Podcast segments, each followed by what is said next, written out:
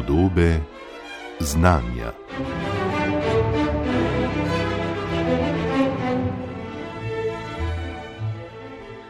Kaj so razlogi, da se nekomu življenjska situacija zdi tako slaba in nerešljiva, da se zazdi samomor edina rešitev? Kateri so signali, ki nam lahko nakažejo, da nekdo razmišlja o tem, da bi končal svoje življenje? Za nazaj se morda znamenja, ki so kazala na hudo stisko, zdijo kot na dlani, a dejansko jih v praksi veliko krat spregledamo ali pa preprosto ne vemo, kako bi odreagirali, kaj bi rekli oziroma storili. A samomor ni le zelo drastičen in dokončen zaključek nekega življenja, povzroči tudi hud pretres obsežnemu krogu ljudi in lahko celo spodbudi nove samomore. Z raziskovanjem dejavnikov tveganj, ki lahko vodijo v samomorilno vedenje in razvojem metod za prepričevanje samomora, se ukvarja današnja gostja podob znanja, psihologinja, izredna profesorica dr. Vita Poštovan z Univerze na Primorskem, tudi predstavnica Slovenije pri Mednarodni zvezi za preprečevanje samomora, ki je za svoje znanstveno delo prejela tudi Cojzovo priznanje doktorica Vita Poštovan, čestitke za Cozovo priznanje in lepo zdrav. Hvala lepa in hvala za povabilo v vašo oddajo. Samomori so poznani pravzaprav v vseh kulturah, a se lahko njihova pogostost pravzaprav močno razlikuje, pa tudi odnos do takšnega dejanja v različnih okoljih. Kako močna je pravzaprav ta povezava? Ja, načeli ste že v bistvu tisto vprašanje, kjer se mi dotikamo dejavnikov tveganja, se pravi tega, kaj je tisto, kar prispeva k razvoju samomorilnosti pri nekom in stališča do samomora so eden od teh dejavnikov. Bolj ko so stališča odobravajoča, se pravi, nekako bolj ko znamo razumeti, sočustvujemo na nek način. Je veliko krat to tudi posledica tega, da imamo takšne okoliščine v naši okolici, se pravi, recimo v družini imamo ljudi, ki so umrli zaradi samomora, bolj se nam zgodi pač to, da smo nekako razumevajoči do tega in to posledično vpliva na to, da je v bistvu samomorov več. Zdaj, seveda, mi ne zagovarjamo tega, da bi pa seveda morali tukaj obsojati ljudi, ne, ki so umrli zaradi samomora, ampak hkrati je pa res tanka meja med tem, da v bistvu na eni strani ne stigmatiziramo, pa hkrati, da ne odobravamo samomorov. Tako da nekako mi vedno govorimo o tem, da je fino imeti neko stališče, da samomor ni rešitev za težave, ampak hkrati seveda razumemo, da ljudje v takih stiskah pa veliko krat so. Eh, in da verjetno, tako kot ste rekli, posod po svetu se takšne situacije pravzaprav dogajajo. Zdaj, kaj, kaj to pomeni? Pomeni pač v praksi to, da tam, kjer je samomorov več, jih bo v resnici še v nadaljevanju tudi več, zaradi tega, ker pravzaprav tudi stališča nekako gojijo ta odnos družbe do naših težav. Če, sem, če, če imam jaz v družini vem, veliko samomorov, pa v svoji okolici veliko samomorov, bom tudi jaz potem v stiski sama prej pomislila, da je to rešitev za mojo stisko. Pa bi rekli, doktorica Vita Poštovan, da se pri nas, konkretno v Sloveniji, odnos do samomora pravzaprav spreminja. Kajti Številke, kolikor jih eh, beležite skozi desetletja, so pozitivne. Nekoč smo bili dejansko v svetovnem vrhu, danes sicer še vedno nadpovprečno, pa vendarle trend je pozitiven. Ja, res trend je eh, pozitiven v smislu upadanja, ne, seveda, uh, in tega smo veseli. In jaz mislim, da se spremenja tudi naš odnos do samomorilnega vedenja. Ne. V 80-ih se je veliko tudi v psihiatriji govorilo o nekem samomorilnem karakterju eh, slovencev. Ne. In se mi zdi, da smo danes že kar to presegli, da mm, ljudje ne govorimo več toliko o tem, tudi v javnosti je manj govora o tem. Kar pomeni, da zakaj smo skušali to presegati, predvsem zato, ker če tako deterministično pogledamo na sebe, potem pravzaprav nimamo nekih vzvodov za ukrepanje. Ne? Potem je to naša narava in takšni smo, in v bistvu ni drugega, kot da pač samomori se bodo dogajali. Ne? Zdaj pa vidimo, da v bistvu z verjetno ozaveščanjem o samomorilnem vedenju, o težavah v zadju, o tem, kako lahko rešujemo take težave in kako se v bistvu pogovarjati o vseh teh temah. Uh, lahko prihajamo do nekih pozitivnih zaključkov, in danes se to potem pozna tudi na tem, kakš, koliko je smrti, ne? koliko ljudi umre ali pa ne umre zaradi samomora. Verjetno pa je še vedno zelo težko zaznati tudi van strokovnjakom, kdo je pravzaprav tisti, ki je najbolj ogrožen. Gre vendarle za tako kompleksno um, tudi odločitev na koncu, uh, kako pravzaprav um, sami spremljate, merite, kako detektirate, kje so pravzaprav potrebne nujne intervencije in na kakšne načine. Ja, to je pa eno izmed najbolj, bi rekla, takih delikatnih vprašanj tudi v suicidologiji, torej vedi, ki se ukvarja z raziskovanjem samomorilnega vedenja.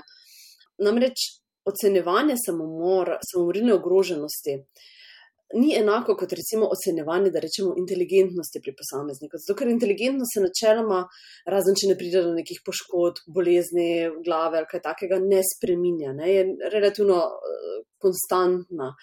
Pri samomorilni ogroženosti pa seveda ni tako. Ne? Je, mi rečemo, tako spremenljive narave.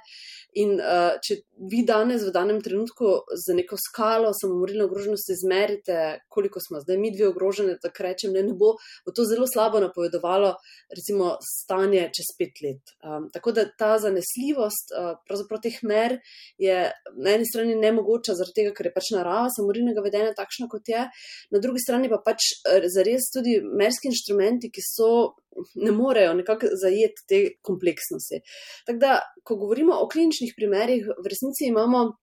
Trenutno, recimo, tudi nekaj študij v našem centru, ki se ravno naslavljajo uh, um, to primerjavo različnih uh, mer, katera je najbolj učinkovita, katera je najbolj zanesljiva, uh, pri mladostnikih in eh, ravno v tej fazi smo zdaj, ko bomo začeli te podatke analizirati in poskušali pri nas tudi ugotavljati, kaj bi bilo bolj učinkovito za uporabljati in kaj ne. Ampak največkrat pravzaprav pa ugotavljamo tudi v tej klinični praksi, da nam dosti krat pove pravzaprav tisti medosebni odnos o tem, da se nekaj dogaja. Se pravi, to, da mogoče zaznamo, joj, pri tem klientu je pa res tako težka situacija, niti sam ne vem, kako bomo to rešili. Ne? To je veliko krat, recimo, se pokazalo v tujini en znak, da je tukaj samomorilna ogroženost res um, nekako zelo visoka. Tako da to je recimo eden izmed takih znakov, ne? pa spet je mogoče zelo nezanesljiv, ne? ni neke take, bomo rekli, indikatorje kot to, da bi recimo krvno sliko zmerili, pa bi imeli uh, jasno uh, stanje, ne? kje smo in kaj se dogaja v nas. Pa recimo, seveda v individualnem pogovoru, kliničnem pogovoru, mi vedno ugotavljamo, kateri so dejavniki, eh, razlogi za to, da ljudje razmišljajo o samomoru, in na drugi strani, kaj jih drži pri življenju. In tudi ta druga plat, se pravi, kaj so razlogi za življenje, zakaj še ustraja nekdo, so zelo pomembni ne? in nam dajo neko sliko o tem, kaj ljudje načrtujejo, koliko načrtujejo svoj jutrišnji dan, da rečem, ne, in naslednje dni. Uh, je pa res, da če bi spet imeli tako zanesljive te podatke, verjetno ne bi prišlo do tega, kar se veliko krat pa dogaja v praksi, da recimo ljudje, ki so hospitalizirani, izpuščeni iz bolnišnic. Uh, zaradi seveda neke samorine ogroženosti ali neke duševne stiske, uh, so v tem tednu po izpustu iz bolnišnice najbolj ogroženi, pravzaprav zato, da bodo nek samomorilni poskus ponovili. Zakaj? Ja, verjetno, ne, pa, hočem reči to, da verjetno preden izpustijo ljudi iz bolnišnic, ne, preden gredo iz teh zaprtih oddelkov ali pa pa odprtih ali kakorkoli, zdravstveno osebe vedno preverja to, kar se zdaj mi dve pogovarjamo. Ne, ampak slabo, slabo ocenijo ravno zaradi tega, ker pač je težko to kompleksno zajeti tudi v nekem takem kliničnem intervjuju. Ne. Zato, ker ko pridejo ljudje nazaj, se verjetno situacija lahko mogoče čisto drugače postavi. Ne, oni so mogoče bili zdaj v obravnavi, v bolnišnici, nekako z omejenimi stiki z okoljem, potem pa se vrnejo v tisto domače okolje in mogoče ne dobijo tiste podpore, ali pa jo dobijo drugače, ali pa eh, se tam mogoče nekateri spomini uh, podoživijo spet. In v bistvu so stiske v kratkem času zelo močne in ljudje imajo potem dosti krat občutek, da ni mi uspelo. Ne? Uh, ne, bil sem hospitaliziran, sem se zdaj vrnil za neki shod ali kakorkoli, ne, pa mi ni boljše. In uh, je to tako zelo, zelo Ne, in te spremembe so vedno zelo kočljive.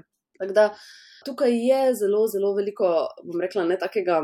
Uh, bi si še želeli intervencije, ne, ki bi ljudem recimo, še bolj pomagali v teh, v teh prehodih, recimo iz biti hospitaliziran, pa potem spet živeti. Ampak mogoče se me prej vprašali, kako detektiramo sploh, ne, kje so tiste, ker zdaj smo zelo na individualni ravni, ne, pravzaprav. Ne. Potem pa bom rekla, naši programi pa so tudi takšni, kjer bi se poskušamo nekako videti, kaj se pa dogaja v različnih delih družbe. Um, in tukaj pa nam zelo pomaga tudi to, kar, se, kar ljudje recimo nam, uh, nas informirajo, nam povedo, uh, recimo, ne vem, zgodi se na šoli samomor, takrat mi se veliko krat zazovemo, pridemo na šole. Ampak še bolj pomembno je to, da ne samo, da delamo torej post-vencijo, se pravi te aktivnosti po smrti, uh, za žalujočimi, ampak tudi, da se tukaj spostavi ena močna vez za preventivo. Zato, ker, tako ste rekli, ne se lahko pač pride do posnemanja in to je tisto, ker, ker je še posebej, um, rekli, ker smo ljudje še posebej dojemljivi, da pač potem uh, število samomorov v neki skupnosti naraste zaradi enega primera. Zakaj pa pravzaprav prihaja do to vrstnih posnemanj? Človek bi takole uh, pomislil, da je to vendarle tak šok, ki bi prej zaustavil uh, posnemanja. Konec koncev gre res za neko drastično in šokantno dejanje, ne pa da pravzaprav sproži plas. Kaj, je, kaj so vzroki, ki dejansko prevagajo ravno v nasprotno smer? Ja, um, zares je to tako eno vprašanje, ki ne kar buri, nekako domišljijo, ne, zakaj se to zgodi. Uh, pa se mi zdi, da veliko krat tudi, ko govorimo z novinarji, veliko krat novinari pristopajo k nam z neko željo, da bomo pa pisali, pa govorili o samomoru, pa bo vse drugače, ne, pa jih mi mogoče malo razočaramo s tem nekim konzervativnostjo, bodimo previdni, kaj ti ne, lahko se dogodi ta plas samomorov.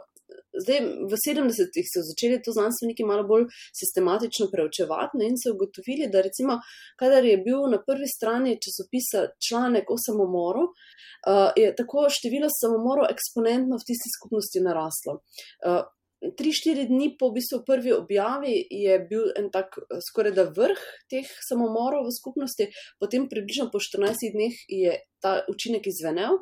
Čeprav recimo nedavno smo mi v enem nemškem primeru ugotavljali, da je ta učinek večjega, nekega uporabe ene od metod samomora. Vztrajal še nekaj let, torej ta odstotek je bil višji po nekaj letih, še vedno po enem takem odmevnem primeru. Zdaj, zakaj do tega prihaja? Eh, prihaja predvsem, mi tako interpretiramo, da prihaja predvsem zaradi neke identifikacije za tisto osebo, ki je umrla. Um, nekako seveda večina ljudi si misli, joj, ne, zakaj se je to zgodilo, ampak če ste v enaki stiski ali pa zelo podobni stiski in se vam zdi, da mogoče vam nič ne pomaga, pa vidite, da ta oseba pa je umrla, pa na nek način dobiva neko to pozornost, skrb, v bistvu ljudje si tega želimo, ne, ne vede in preko te identifikacije pravzaprav poskušajo rešiti ljudje svoje težave na enak način. Ne. Že v preteklosti ne, smo imeli uh, tak prvi primer, najbolj znan, mogoče v Evropi je, bil, uh, je bila knjiga Trpljenje mladega Werterja, kjer se je prišlo do tega, pa mogoče takrat se zares niti nismo, niso še verjetno znanstveniki na ta način spraševali, kot se danes. Ne. Danes pa res vemo, da pač objave v, v medijih in tudi ne samo zdaj novinarske objave, ampak tudi sicer, ne vem, um, knjige, filmi, serije, ki jih pač ljudje poslušamo in gledamo, imajo zelo velik vpliv na naše notranje doživljanje. Tako da mogoče tudi to je ena taka skrb, kadar recimo se tudi mi, sociologi, pojavljamo v medijih, ne, da, da v bistvu.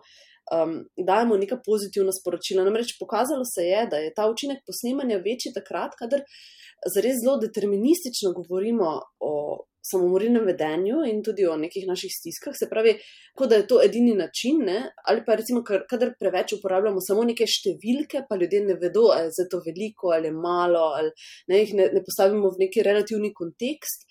Um, in sploh takrat, kadar ljudje mogoče uh, v teh prispevkih ne vidijo alternativnih rešitev. Nekadar ne dajemo ideje, kaj so pa druge rešitve, kaj je nek, nek pozitiven, uh, mogoče izid tudi takih hudih stisk, takrat je v bistvu tega posnemanja več. In se mi zdi, da tudi za tega uh, nekako mi zares želimo vedno v naših prispevkih uh, delovati v tem smislu, nekako ne lažno optimističnih, ampak nekako za neko pozicijo, da se naše težave nekako reševati. Ne, rešujemo jih ponovadi boljše takrat, kadar smo v dobri koži, kadar smo pa v slabi koži, pa seveda moramo toliko večji napor vložiti v to, da nekako pozitivne rešitve najdemo. Kako torej uh, zaznamo, da ima nek človek v naši okolici pravzaprav samomorilne misli, kje, kje zaznati neko tisto mejo med nekim morda običajnim, slabšim obdobjem, neko krizo, ki jo preboleva in tem pravzaprav že zelo uh, nevarnim približevanjem, pač razmišljanju o, o koncu. Kaj, kaj so recimo taki signali za vas, na katere je dobro biti pozoren in kaj potem storiti? Ja, že v vodu vas ste lepo povedali, ne, da je za nazaj v bistvu dosti krat veliko lažje prepoznati in videti, da so bili tam neki znaki. Ne. Tudi ko se jaz pogovarjam z želejočimi, včasih sama jim povem, zelo težko bi tudi jaz prepoznala, čeprav sem nekak, ne, nek strokovnjak iz tega področja, ampak to, kar je vaš bližnji kazal, je verjetno bilo res neko skrivanje teh znakov. Uh, tako da mogoče najprej, najprej to, da omenim, ne, da veliko krat res težko prepoznamo. Sploh, kadar je želja pri uh, tistem, ki je umrl, bila zelo močna torej je z, bil zelo prepričan, da bo umrl in želi umreti, uh, bo verjetno te znake zelo dobro skrival. Um, recimo, znaki so lahko včasih zelo subtilni. Ne? Ne vem, se spomnim enega gospoda, ki je svoji ženi pustil svojo osebno izkaznico zjutraj, preden je šel doma. Ne? Nekaj, kar pač verjetno nihče ne bi interpretiral kot znak samomorilnega vedenja. Ne? V bistvu je verjetno pustil zato, da ga je ona lahko identificirala oziroma uredila vse tiste stvari, po smrti. Ne. To je neka taka stvar, ki je zares ne mogoče predvideti, tako rečem. Ne. So pa drugi znaki, seveda, ki pa včasih bolj uh, eksplicitno kažejo. Ne. Recimo, če ljudje nekako verbalno povedo, vsega imam dovolj, se vam bo kmalo boljše brez mene, rešil se bom vsega. Ne. Tudi to, da rečejo, naredil bom samomor. Včasih tudi takšnih direktnih sporočil pravzaprav ne vzamemo resno ne nazadnje tudi ljudje marsikaj rečemo. Ne, marsikaj, ne, in v, v toku naših življenj verjetno tudi rečemo kakšno tako besedo, ki jo tudi ne mislimo.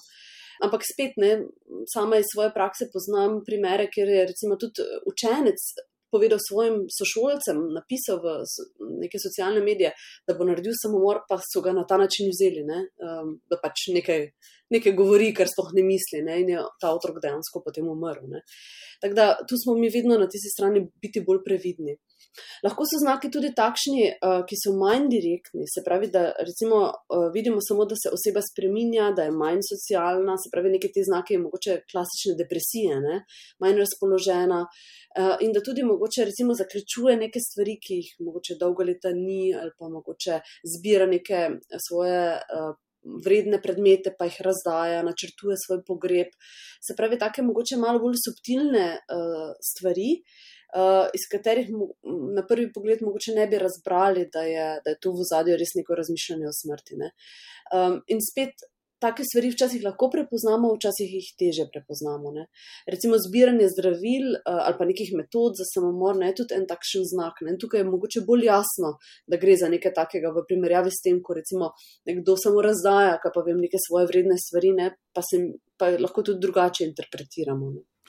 Pa je delež tistih, ki pravzaprav vendarle že sami tudi iščejo um, poti, strokovno pomoč, pomoč bližnjih, uh, več ali je to vendarle še vedno tako dokaj zasebno in omaknjeno um, razmišljanje, dejanje, uh, doktorica Vita Poštovan. Ja, glede tega je zelo težko vedeti, kaj se z ljudmi dogaja, ker mi imamo nek pogled v to, uh, bom rekla, koliko ljudi sploh poišče pomoč, za vse tiste, ki pa ne poiščejo pomoči, ne, pa pravzaprav zelo težko vemo, da sploh so. Mi recimo iz populacijskih študij vemo, da je približno ena tretjina ljudi. Že pomislila na samomor v življenju. Nekatere študije pravijo celo, da smo vsi bili v neki življenjski situaciji, včasih obupani nismo vedeli, kako naprej. Ne? Zdaj pač malo je tu odvisno od metode, ki jo pač sociologi uporabijo, za merjenje tega. Uh, tako da, ne, če bi prevzeli to drugo, bi rekli, da verjetno je tudi to, da zdaj pomislimo na to, da več ne zmoremo uh, del normalnega življenja, ne, nekaj normativnega, ampak hkrati, seveda, uh, verjetno ni normalno ali pa nekako pričakovano, ali pa večina ljudi vseeno v takih situacijah zbere neko moč, uh, najde neke. Neke bolj funkcionalne rešitve, kot pa to, da pač umrejo zaradi samomora. Ampak Ne, torej, če se zdaj navežem na vaše vprašanje, je zelo težko točno vedeti, koliko je, kakšen je delež enih in drugih, da tako rečem. Kaj pa vpliv spleta dan danes? Ne? Danes se vse večji del naših življenj odvija digitalno in nov, tako rekoč, je pravzaprav tudi pojav, ko se samomori dogajajo zaradi tistega, kar se je zgodilo samo na spletu, kot da nimo spletno nadlegovanje. In uh, neredko je tudi tako lahko, da pač je razkorak med našim spletnim in realnim življenjem tako velik, da bližna okolica pravzaprav niti ne ve, kaj se uh, tam dogaja in kakšne težave pravzaprav pestijo um, človeka v. Eh, virtualnem svetu. Koliko uh, ste te trende na eni strani zaznali pri nas in po drugi strani, koliko teže moramo danes pravzaprav pripisovati tudi tem dejavnikom na splošno? Ja, zdaj internet je en tak um, dvorezen meč, bi mi rekli. Ne? Ker na eni strani je zares eh, spet prostor, kjer stopamo v vse te odnose, ki nam lahko pač škodujejo, tako kot ste rekli, recimo ustrahovanje, ki se nikoli ne neha, ne? ker prej je bilo mogoče, recimo, spoh pri mladih, mladostnikih, ustrahovanje pač fokusirano recimo na šolsko okolje, ko pa je otrok prišel domov, pa je bil varen, ne? če je bil seveda varen. Ne? Najbolj so bili seveda na udaru za samomorilno vedenje, pa za kakršne koli stiske, tudi tisti mladostniki, ki so bili tarče ustrahovanja v šoli, pa še doma v bistvu niso imeli dobrih odnosov, ne? ker bi se lahko nekako kompenzirali to, kar se je dogajalo. Zdaj, seveda, se to, kar se dogaja v šoli, samo prenese potem na splet in se nikoli ne konča, pravzaprav je vse čas prisotno. Ne? Ampak na drugi strani je, je splet daje, oziroma internet daje tudi možnost iskanja informacij, poseganja po nekih pozitivnih sporočilih, preseganja takih situacij, ne? če seveda ljudje to zmorejo. In na, na spletu tudi za mladostnike je recimo veliko tudi podpornih organizacij, ki pač nudijo pomoč. Tako da bi rekla, da, da moramo mogoče na obe strani upozoriti nekako je pa že toliko splet ali pa internet prepleten za našim vsakdanjikom, ne, da, da ne mogoče, da bi ga ločili, da bi rekli, da je zdaj toliko samomorov zaradi tega, ker internet obstaja, toliko jih je pa zato, ker ne, je neodvisno od tega. Pravzaprav teh številk danes več ne moremo na ta način sporejati. Prej bi lahko rekli, mogoče, da kakšna, mislim, tudi ko recimo se uvede kakšna pozitivna uh, intervencija, ne, uh, tam mogoče lahko zaznamo kakšne trende. Recimo, kar se je dogajalo, mogoče nekaj let nazaj je, uh, so recimo bile te spletne igre in uh, izzivi, ne, kjer so pa ljudje, kjer so pa te so še, ne, tako ja. Uh, ampak nekateri so prav eksplicitno spodbujali k samomorilnemu vedenju. Ne.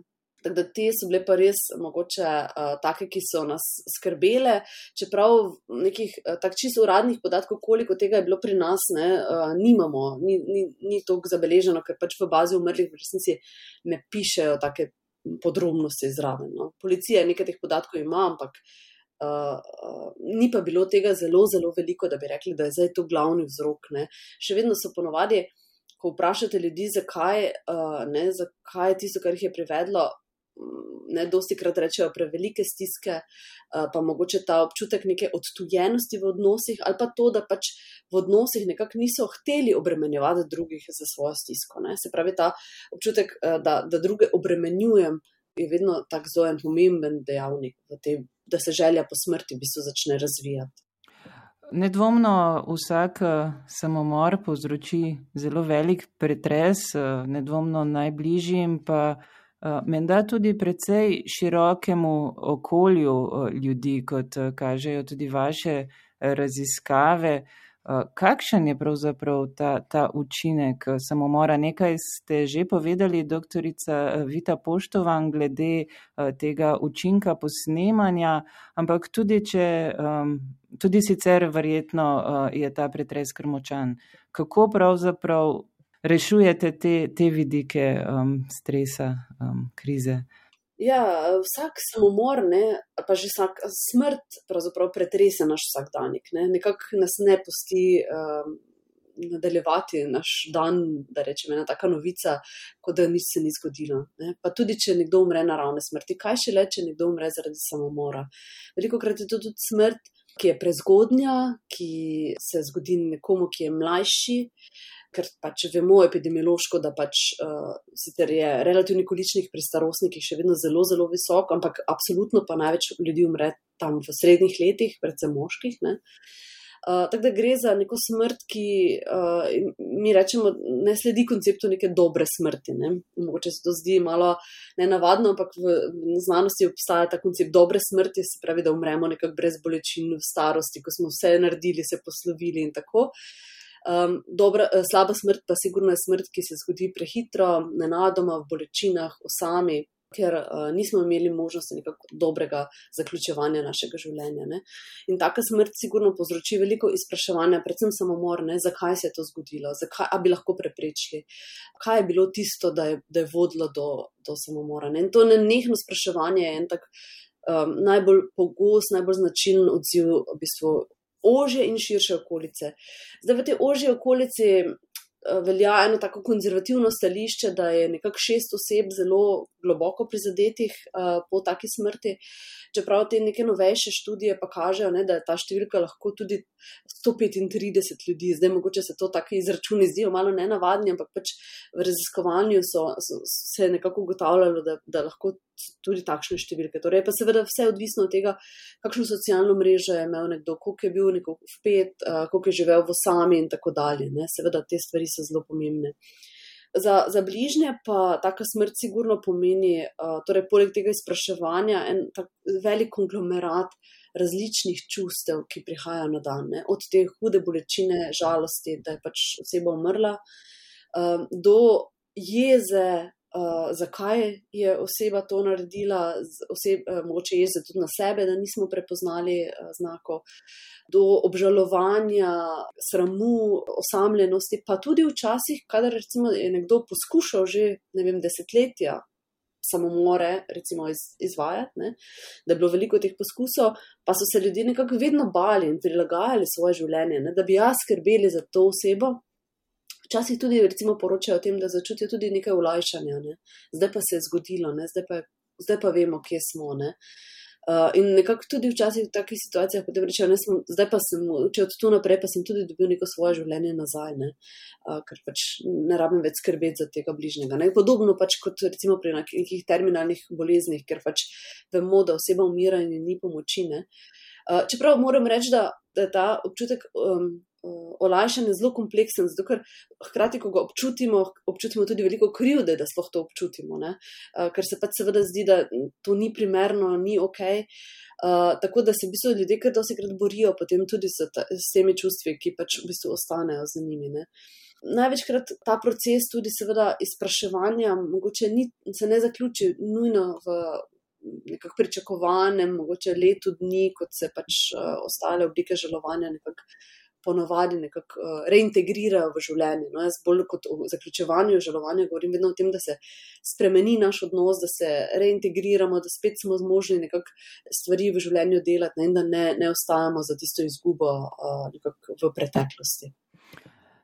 Če se uh, spet vrnemo k samemu preprečevanju, kako se človek loti torej, te svoje stiske, ki se zdi tako zelo uh, premočna, preobsežna.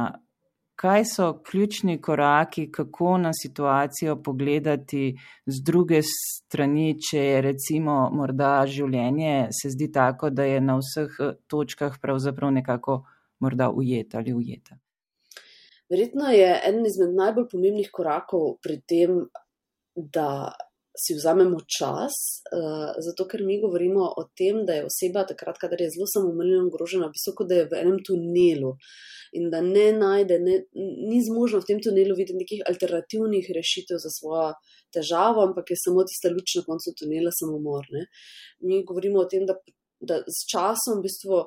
Uh, oseba pride iz tega tunela in potem vidi, da se mogoče pa je ta rešitev, pa tista rešitev, pa nekaj drugega še možnega. Tako da čas je en pomemben dejavnik, zdaj pa zato, da ljudje zdržijo za to bolečino, ne, da lahko to čas kupimo, da tako rečem, je pa ponovadi zelo, zelo pomembno, da imamo nekoga, ki mu v bistvu tako stisko zaupamo. Včasih se zdi mogoče tak, tak na svet. Včasih cenen, ne, ali pa tako paušalen, ampak v resnici.